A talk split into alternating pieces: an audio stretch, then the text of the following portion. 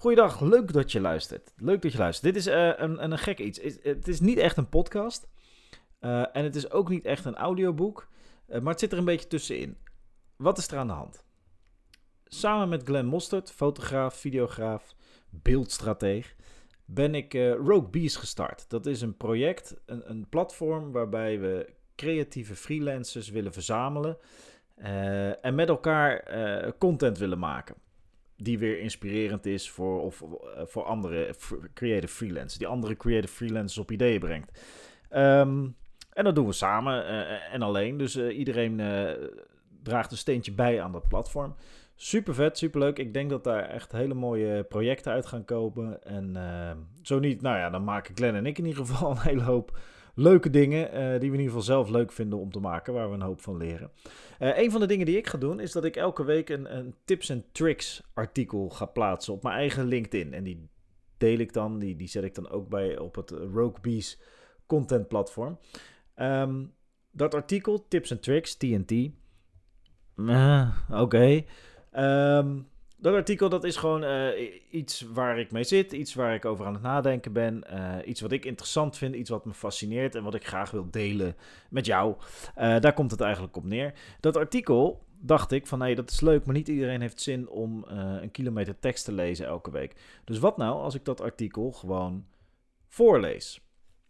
En ik zet dat artikel vervolgens in een podcast op Spotify. Althans, het is geen podcast, maar ik lees het voor en dat zet ik op Spotify. Briljant idee, vond ik zelf. Um, maar als ik dat toch doe, kan ik net zo goed even als intro en outro wat vertellen over uh, wat er zoal speelt deze week. En dan wordt het toch weer meer, meer um, een soort podcast in plaats van alleen maar het voorlezen van een artikel. Anyway, uh, waar het op neerkomt is, als je dit luistert, dan heb je waarschijnlijk een linkje gezien uh, onder een artikel en dacht je, oh mooi, het wordt voorgelezen, dat is handig. en dat ga ik ook zeker doen zo. Maar uh, voordat ik dat ga doen, wilde ik graag even kort uitleggen uh, wat Rogue Bees is en uh, wat het hele idee is van deze wel niet podcast. Dit, wordt misschien, dit is misschien wel het meest vage verhaal, de meest vage introductie van een nieuw format ooit. Maar dat maakt me niks uit. Rogue Bees. Rogue Bees is dus een content platform voor creative freelancers. Wat we willen is, als je je wil aansluiten, dat mag gewoon. wat we dan van je verwachten is dat je elk half jaar een, een, een serie maakt die je helemaal uh, naar eigen inzicht kan, kan ontwikkelen en kan bedenken. Waar wij uiteraard graag bij willen helpen als dat nodig is.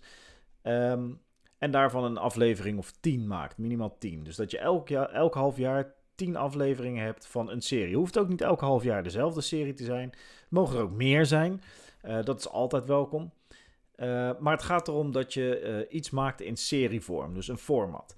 Uh, dat mag in tekst, dat mag in, in, in strip, dat mag in uh, video, dat mag in uh, muziek, dat kan in podcastvorm, whatever.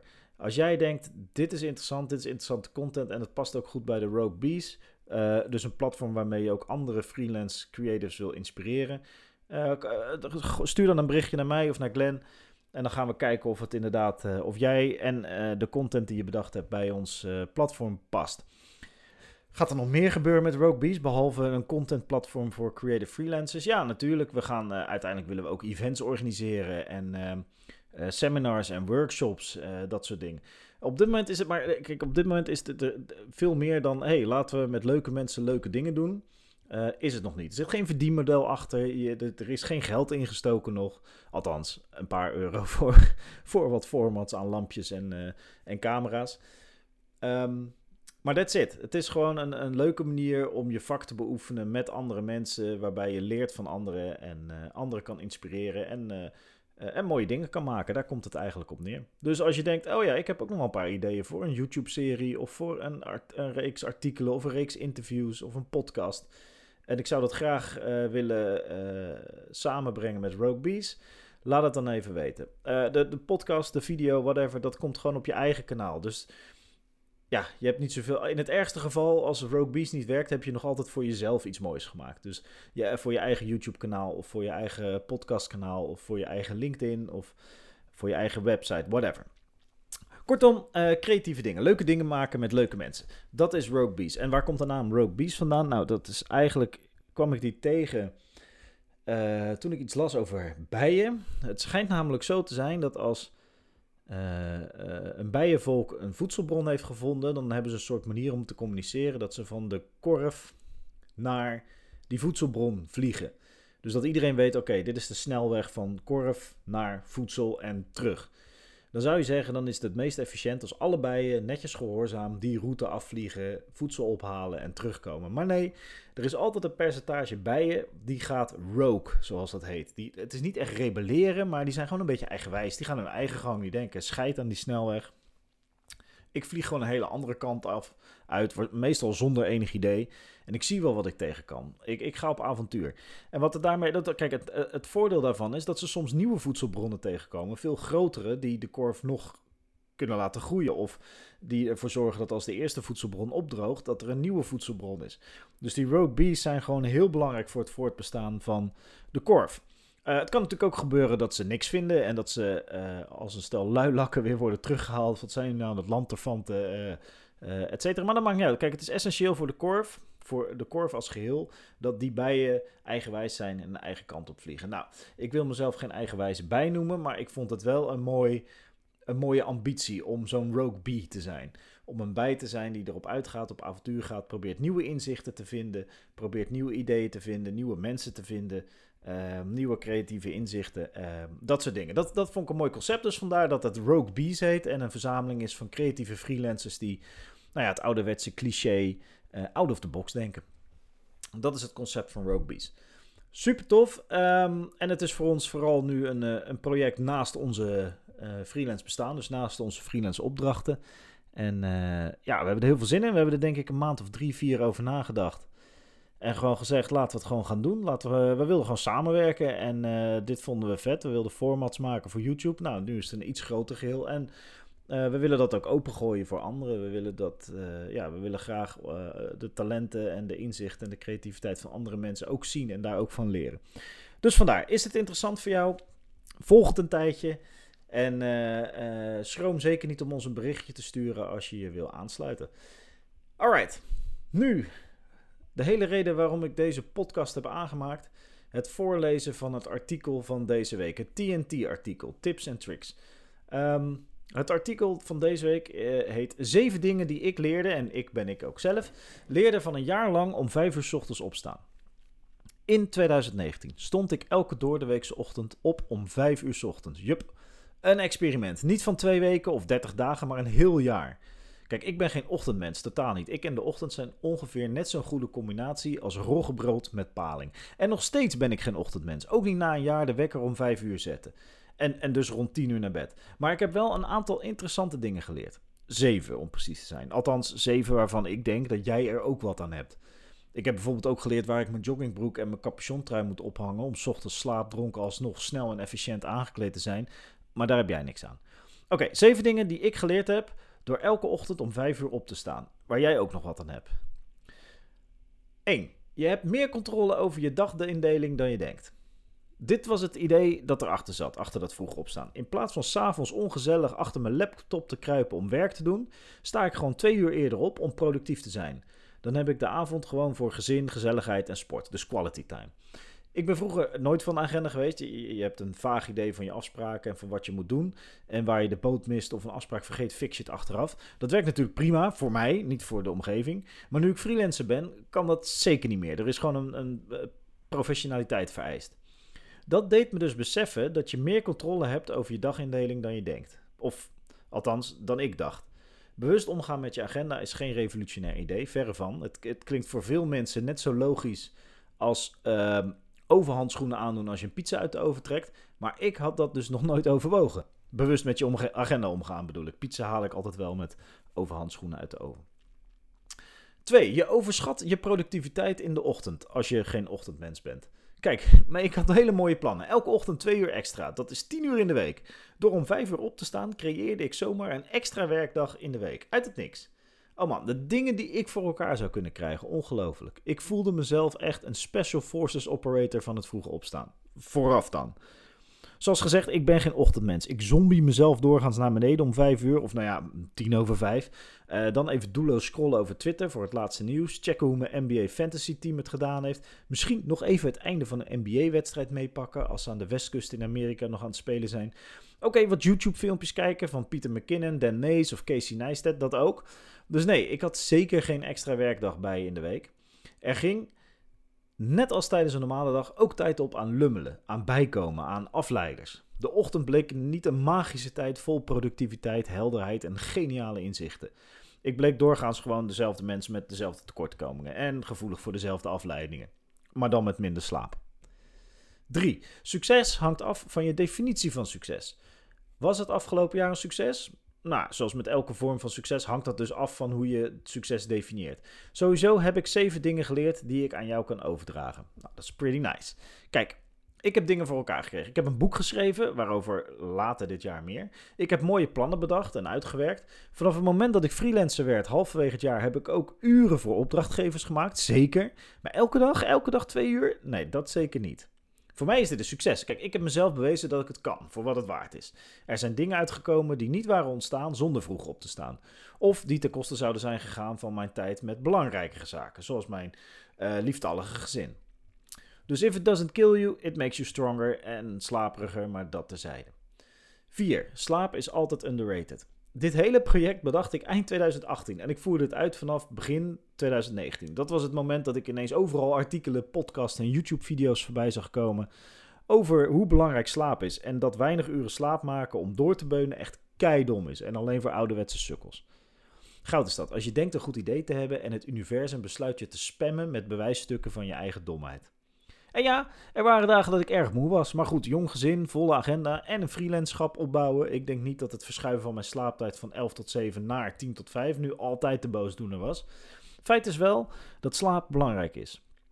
Als je nachten van 8, 9, 10 of meer uur maakt, dan is dat niet luiheid. Dan geef je je lichaam wat het nodig heeft. En slaap je tekort, dan ga je daar ergens een keer tegenaan lopen.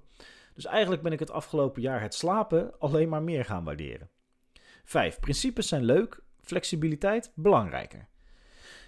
Over slapen gesproken, vanaf september stond ik op donderdag niet langer om 5 uur op. Een kleine adaptatie van het experiment. Mijn trainingstijd voor de basketbal veranderde met ingang van het nieuwe seizoen in september. Ik train altijd op woensdagavond, anderhalf uur helemaal leeg op het basketbalveld. Voor de zomer was dat van 8 tot kwart over 9 en kon ik alsnog om 10 uur in bed liggen. Natuurlijk, dan was donderdag wel de hele dag alsof je door een 2 meter grote mastodont onder de voet was gelopen. Wat regelmatig gebeurde ook op woensdag. Maar het was in ieder geval nog haalbaar. Vanaf september werd de trainingstijd kwart over 9 tot half 11. En dan was ik vaak pas rond half 12 thuis. Vanaf dat moment werd het gewoon onverantwoordelijk om nog om 5 uur op te staan. Voor mezelf en voor mijn omgeving. Ik bedoel, ik moet op donderdag ook wel eens het halve land rondrijden voor klussen en afspraken. Kortom, principes zijn goed, maar hou het realistisch. Niet je theorie kosten wat kost in de praktijk willen proppen, maar je principes aanpassen aan de praktijk. Hou het leven pragmatisch. Dat is veel prettiger voor iedereen, inclusief jezelf. 6. Jouw offer is andermans lachertje. Ik woon in het Westland, tussen tuinders en mensen die op de veiling werken. Voor hen is om 5 uur opstaan iets wat ze hun hele leven doen en waar ze niet over nadenken. Sterker nog, voor sommigen betekent om 5 uur opstaan dat ze mogen uitslapen. Deze mensen moeten waarschijnlijk heel hard gniffelen om mijn verhaal. Voor mij was dit een offer of, of, een challenge of ongemak of hoe je het ook wil definiëren. Maar ik ben, sinds ik het laatst gecheckt heb, absoluut niet het centrum van het universum. Alles is relatief. Daarom wil ik ook zeker niet stoer doen over dit experiment. Een groot gedeelte van Nederland lacht me uit om al die verhevenheid die ik fijns rondom een wekker die om vijf uur afgaat. Zeven lessen omdat je je wekker op een redelijk normale tijd zet. What's next? Vijf lessen omdat je twee keer per dag je tanden poetst. Drie dingen die ik geleerd heb van het netjes afvegen van mijn billen na het poepen. Alright, klein, klein, heel klein excuusje van mijn kant. Ik drink geen koffie, hè? Moet je even meerekenen, maar dat terzijde. Pain is in vet inevitable, suffering is a choice, zegt men. En het verschil tussen die twee hangt af van wie het vraagt. 7. Het is prettig om het verschil te kennen tussen handige routines en handige tools. Ja, ik beschouw het als een succes, dat vroeg opstaan. Sterker nog, toen ik in de kerstvakantie een tijdelijke stop inlaste, begon ik het na een paar dagen zowaar te missen. Maar is dit iets wat ik heel mijn leven ga doen? Nee. Is het iets dat ik in 2020 blijf doen? Nee, ja, nee, misschien. Ik ben daar nog niet over uit. Vooralsnog blijf ik het doen, maar ik schuif het vroege opstaan wel van de categorie handige routine naar de categorie handige tool. Het is geen must meer. Voor mezelf heb ik bewezen dat ik het kan en weet ik op welke manier het nuttig is. Maar als routine doen om het doen, is het niet zinvol genoeg en vind ik slaap en frisse energie overdag ook wel erg prettig. Daarom zie ik het vroeg opstaan nu meer als een tool die ik kan toepassen als het nodig is. Bij een groot project waar ik thuis veel voor kan doen, of het regelen van zaken voor klanten, zodat het betaalde uren zijn, of om bij te blijven met NBA-wedstrijden. Ik vind dat belangrijk. Conclusie: Raad ik je dit experiment aan? Nou, het is altijd goed om jezelf uit te dagen en te zien of je de discipline hebt om dit soort challenges aan te gaan. Of het nu gaat om stoppen met roken, stoppen met drinken, stoppen met frisdrank drinken, beginnen met sporten, mediteren of welke uitdaging je dan ook interessant vindt om op te pakken. Het is altijd fascinerend om te ontdekken wat er gebeurt als je van je routines afwijkt. Ik zou het wel alleen doen als je een goede aanleiding hebt. Een project waar je je in wilt vastbijten, een vaardigheid die je wilt leren of een cursus die je wilt volgen, bijvoorbeeld. Vroeg opstaan om het vroeg opstaan is echt zinloos. Dan is slaap gewoon veel gezonder. Je wekker twee uur eerder zetten, dat kan zeker helpen als je goed weet wat je met die tijd gaat doen. En je er rekening mee houdt dat je effectief echt geen twee uur per ochtend extra hebt. Uiteindelijk ben je ook maar een mens. Althans, ik dan. En, en ik hoop dat het ook voor jou geldt. Ik ben wel benieuwd op welke manieren jij jezelf uitdaagt en welke lessen je daaruit kunt trekken voor jezelf en voor anderen. Dus laat me dat weten. Tot zover het artikel van deze week. Ze zijn niet elke week lang. Uh, dat zal uh, wisselen. De ene week heb ik uh, meer stof nodig dan de andere week om, om conclusies te trekken. Maar dit was een groot project. Een jaar mee bezig geweest. Jaar om vijf uur s ochtends uit bed. Dus nou, daar valt wel wat een en ander over te zeggen. Um, en ik ben gewoon oprecht benieuwd wat je hiervan vindt. Dus geef zeker een reactie. via mijn LinkedIn ben ik, wat dat gaat, het beste te bereiken. Um, of via Twitter uh, waar dan ook. Uh, tot zover dit artikel. Uh, volgende week ben ik weer. Ga ik deze week nog leuke dingen doen? Nou ja, uiteraard. Ik werk voor het World Horti Center in Naaldwijk, waar ik communicatie doe. Daar lopen een aantal hele mooie projecten.